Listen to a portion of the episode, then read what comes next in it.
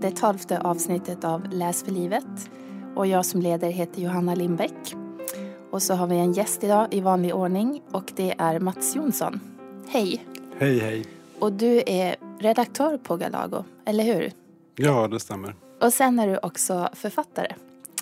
Eh, och idag ska vi prata om, om, man kan säga om båda grejerna, både om serier i allmänhet och sen om dina serier. Eh, och då, jag kan börja med att säga att jag under de senaste två veckorna har läst fyra av dina böcker. Mm. så en intensiv Mats Jonsson-upplevelse. Det låter nästan lite läskigt.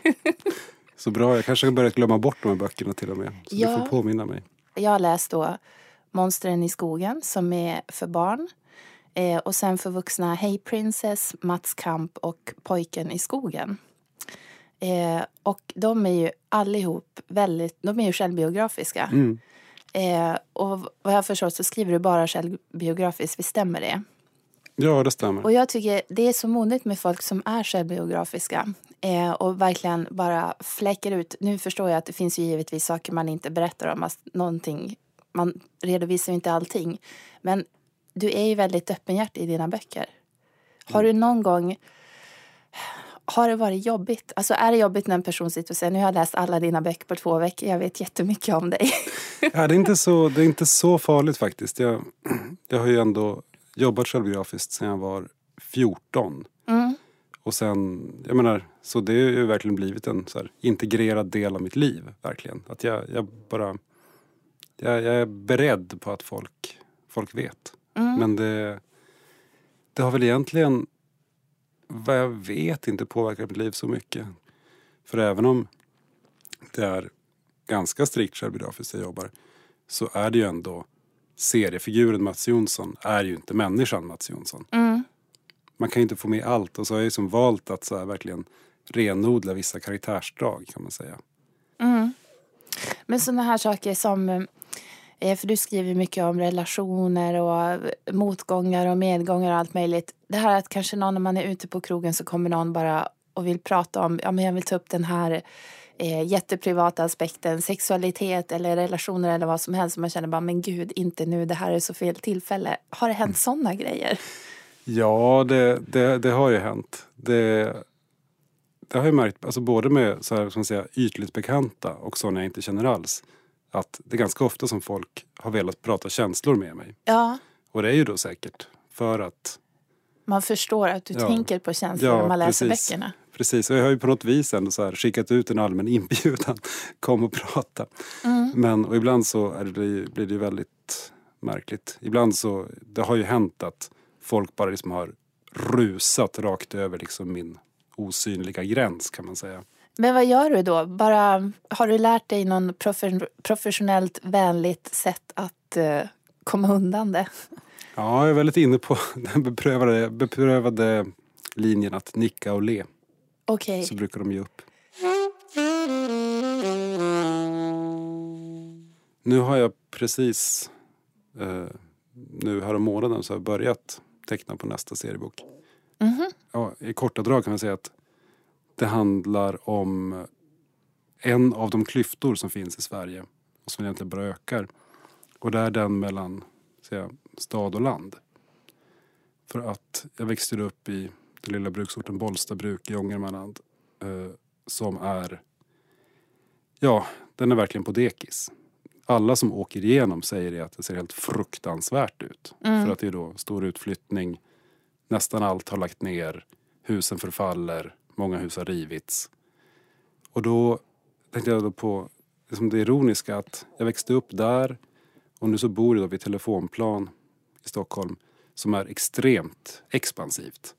Där det byggs och byggs och byggs och det växer upp liksom yogastudior, mäklarkontor och, och gym som svampar ur jorden. Och det bara är en enorm inflyttning. Och där, det är där jag vill vara och rota nu. Mhm. Så kan jag ju också då fiffigt nog fortsätta att skilja mitt, skildra mitt, eh, mitt liv som medelålders lagom mycket. Mm. Men blir det fortfarande, det, är det en, en Mats Jonsson som är huvudkaraktär? Ja, det Ja. är det. Mm. Ja, det, det handlar ju, för det bottnar ganska mycket i mitt eget liksom grubblande. Ja. Så här. Så att jag kommer verkligen att gå som någon slags, slags bitter Ulf Lundell-typ genom alla rutorna. Men när du började, hur kom det sig att det blev serier från början? Och det här, är det som du gillade att rita eller du gillade att skriva och så kom du på att du gillar båda? Eller liksom, hur kom man in på serier? Hur var det för dig? Ja, jag har funderat en del på det. Och det var nog mitt, mitt helt naturliga sätt att uttrycka mig. För att jag lärde mig läsa genom att läsa Bamse. Och eh, jag ritade hela tiden. Det, det gör, Mm. gör ju nästan alla barn. Och sen i och med att serier var liksom det, min, det jag framförallt fick i mig så var det även det som kom ut på något sätt. Mm. Och det, så jag ritade min första serie när jag var fyra år gammal. Den hette Den tjusiga råttfamiljen. Och var faktiskt självbiografisk men maskerad som en musfamilj.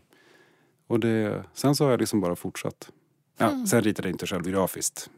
Utan jag ritade ju serier om riddare och troll och cowboys och sådär. Men, Ja. Men du har inte känt eh, någon gång att åh, jag, eh, serier, det, jag är inte tillräckligt bra på att rita för att bli konstnär men jag är tillräckligt bra på att rita för att göra serier. Det är inte någon sån grej. Ja, alltså, det är väl inte någonting jag har tänkt men det, jag tror att det ligger en del i det. Att jag kanske skulle vara en medioker författare eller en usel konstnär. Men istället så har jag blivit en kompetent seriestecknare. Att det- Plan B. Precis. nej, nej men det är, det är också det att jag menar eh, konstnär har jag liksom aldrig blivit in, varit intresserad av att bli. Nej. För att jag, jag, vill berätta, jag vill berätta en historia. Det, Mm. det är framförallt det jag vill göra. Mm. Och sen då, då ska man kunna tänka sig att ja, bara skriva. Men det, jag vet inte, det där har jag liksom inte riktigt haft. Det har liksom varit i serierna mitt självförtroende har legat. Det har känts som en trygghet att jobba med det.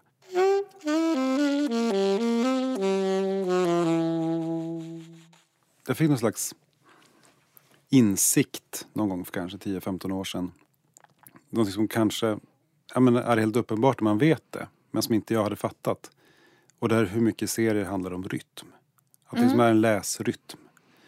Och eh, det, det kan vara sådana saker som hur mycket text det är i bubblorna. Hur många rutor det är på en sida. Eh, hur mycket detaljer man har i rutorna. Sidlayout. Alltså massor med sådana saker påverkar ju hur länge läsaren stannar i varje ruta och på varje sida. Det är intressant för jag upplever att det är eh, det är rytmen jag har problem med när jag läser serier. För jag är inte en van serieläsare och jag tycker jag är urdålig på bild. Eh, på det sättet att bildanalys och läsa bild, det är inte jag bra på. Eh, utan jag är mycket mer, när jag läser text då känner jag aldrig någonting att jag har dåligt självförtroende eller jag missar saker eller sådär. Men när jag läser bild så för i serier upplever jag där att oj, jag ruschar igenom ett seriealbum och det jag gör är att jag läser texten. Mm. Och sen så tänker jag, då har jag missat halva grejen. Att det är en träning i att läsa serier, för man läser både text och bild.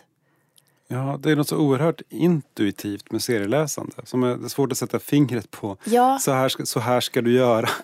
Så att, jag vet att min, min mor till exempel, hon, hon hävdar ju att hon är någon slags serieanalfabet. Det skulle jag också kunna säga Ja. att jag är. Jag har märkt det själv att om jag börjar tänka för mycket på hur läser man serier så blir det lite som att man, tänk, man börjar tänka på hur man går. Och att man då börjar snubbla för att man, man ska inte tänka för mycket på det. Så, det, så det, det är verkligen, alltså det, det är verkligen svårt. För jag tror nu att många, med tanke på att serier har verkligen fått en renässans eh, och det är inte det här åh det är fult med serier utan nu är det snarare det finns jättemycket fina kvalitetsserier och Liv Strömquist har kommit fram jättemycket och vinner priser överallt och sådär. Och att många känner att ja, jag vill testa serier eh, och inte minst i skolan. Eh, men finns det någonting om man tänker att man börjar vara vad ska vi säga, 10-12? Finns det några serier, eh, svenska eller utländska, som har kommit och blivit översatta eller så? Det fin- jag är ju lite, lust, jag är lite förvånad över att jag har sett så många, så många barn läsa Tintin-album på sistone. Mm. Att faktiskt de verkar... Jag trodde att de hade börjat liksom glömmas bort men De har fått en renässans. ja, det verkar faktiskt vara någonting sånt på gång. Mm. Och det är ju, även om kanske inte alla Tintin-album är helt lämpliga för dagens uppväxande släkte så är det ju Mm. trevligt för det är ändå liksom klassikernas klassiker på något sätt. Men sen så har det börjat komma en ny sorts... Det har faktiskt börjat komma någonting som jag tror är sprunget ur den här liksom vuxenserierevolutionen som ganska, som är ganska intressant. Och nu tänker jag göra skamlös reklam för mitt eget förlag. Eh, för att det är då några serieromaner vi har gett ut de senaste åren som vi bara tänkt på som serieromaner, vilka som helst. Men som vi sen har märkt har börjat läsas av, ja men säga, barn från sig 12, 13 och uppåt. Mm. Och att vi även då har liksom från liksom bibliotekariehåll och från Barnboksinstitutet och så här ändå hört att ja men det här är ju, det här är ju ungdomsböcker. Mm. Och vad heter de? Ja, det, den första av de här var då eh, Vi håller på med en viktig grej av Sara Hansson som kom 2011 tror jag. Den har jag läst. Mm, det där. Ja. Ja, som ju då är en i stort sett självbiografisk skildring av att gå i sexan och gilla Spice Girls och genom dem få, få en bästa vän. Mm. Och den är ju jättefin och är ju såklart när man ser på det med de ögonen en, en klockren bok för de som själva är i den åldern. Mm. Och sen, ett par år senare ska vi då Hanna Gustafssons debut eh, Nattbarn. Om 14-åriga Ingrid som i stort sett lever sitt liv på internet. Mm. Och det, och det, och det är första, den första liksom så här, riktiga skild... Alltså riktig, riktigt ingående och lyckade skildringen i serieform av internet. Att det just här hur alla, alla fåniga reklambanners är uttecknade så här i ruta efter ruta efter ruta. Mm. Man får liksom det här, fångar liksom mon, den monotonin på något sätt. Och det är också en, liksom, en jätte, jättefin liksom, tonårsskildring.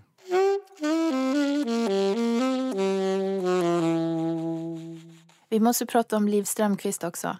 Eh, för jag som då är utanför serievärlden, min tolkning är att nu är det världens skjuts och mycket beror på att det har kommit ett par seriealbum som verkligen har fått blivit allmän kännedom. Och Liv Strömquist har ju fått otroligt mycket uppmärksamhet i senare, ja, men de senaste två åren kanske med priser och teateruppsättningar och så vidare. Känns det här som att nu ni lever i en serieboom? Är det så i Sverige idag? Ja, på sätt och vis. Jag har ju ändå då följt med branschen i ganska många år nu och får känslan av att det, det kommer en serieboom och så är det fler och fler som upptäcker serier. Men sen drar den sig tillbaka på något sätt. Som, som en våg som drar sig tillbaka. Men sen så kommer nästa och för varje våg så kommer den lite längre upp på stranden kan man säga. Mm.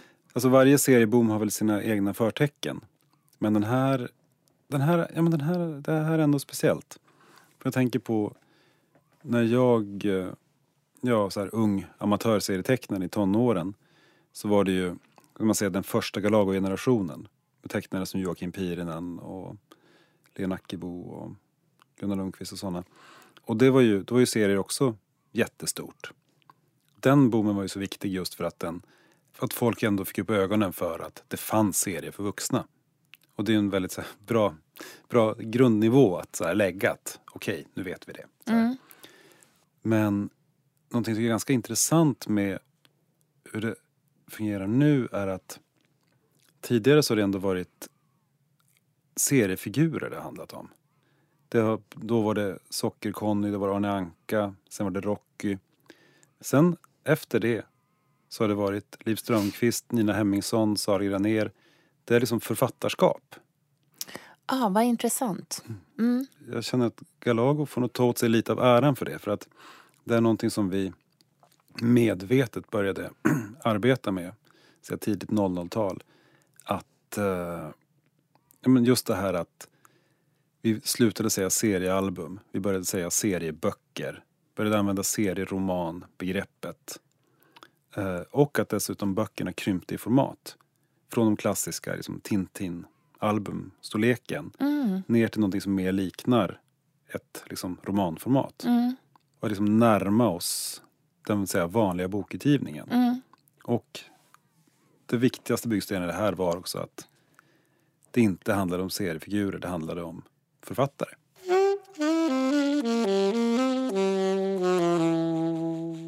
vi har ju liksom vissa problem med läsandet och Ja. bokförsäljningen har ju dalat rejält. Och jag tror att det handlar väldigt mycket om, om tidsbrist och koncentrationssvårigheter. Mm. Både hos barn och vuxna. Mm. Att eh, HBO, tv-serier, Facebook och Candy Crush är väldigt så här, svåra Mm. utmanare. Mm. Men då ser man ju samtidigt att, att serierna ju faktiskt klarar sig bättre än nästan alla andra genrer ser det ut som. Ändå håller ställningarna. Och jag tror att det mycket handlar om att det går fortare. Att det är ett bildmedium så det är lätt att ta till sig. Eh, man behöver ju ofta skrika ganska högt i det här samhället för att de ska lägga märke till en. Och tar man upp en seriebok och börjar bläddra i den så har det ju den här direktheten. Att man kan sugas in i det direkt. Som förmodligen är så viktigt nu.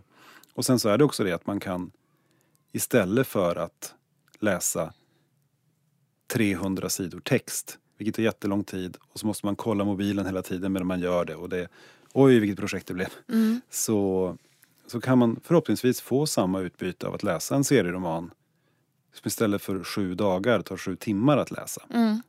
Och jag tror att det är, ja, och det är väsentligt bättre att läsa en serieroman än att inte läsa någonting alls.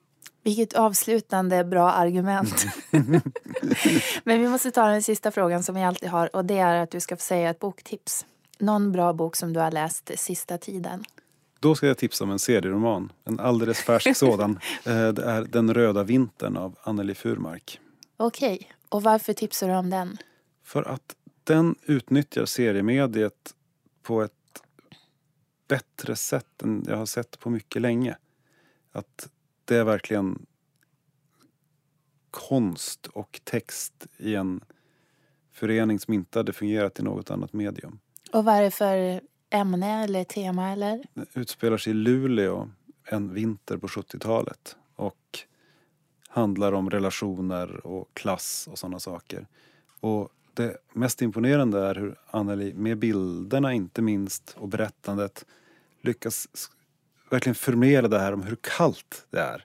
Alltså hur rent, hur rent fysiskt kallt det är i Luleå på den här 70-talsvintern. Och hur, hur de olika platserna i serieromanen, så, eh, huvudpersonernas lägenheter, eh, deras arbetsplatser, några affärer, hur de känns som så här öar i ett hav av köld som man måste ta sig igenom för att komma till platserna. Det, Gud, jag måste läsa den här. Jag kommer från Luleå. I Luleå blåser det från alla håll. Det är liksom en grej med stan. Att det, det är aldrig lä, det bara blåser i hela centrum. Och det är kallt. ja, jag tror att det här är boken för dig. Ja, verkligen. Den röda vintern, Anneli Furmark. Tack Mats för att du kom.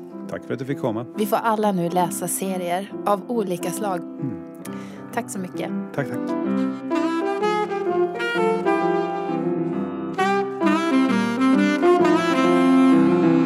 Läs för livet. Görs av produktionsbolaget Munk.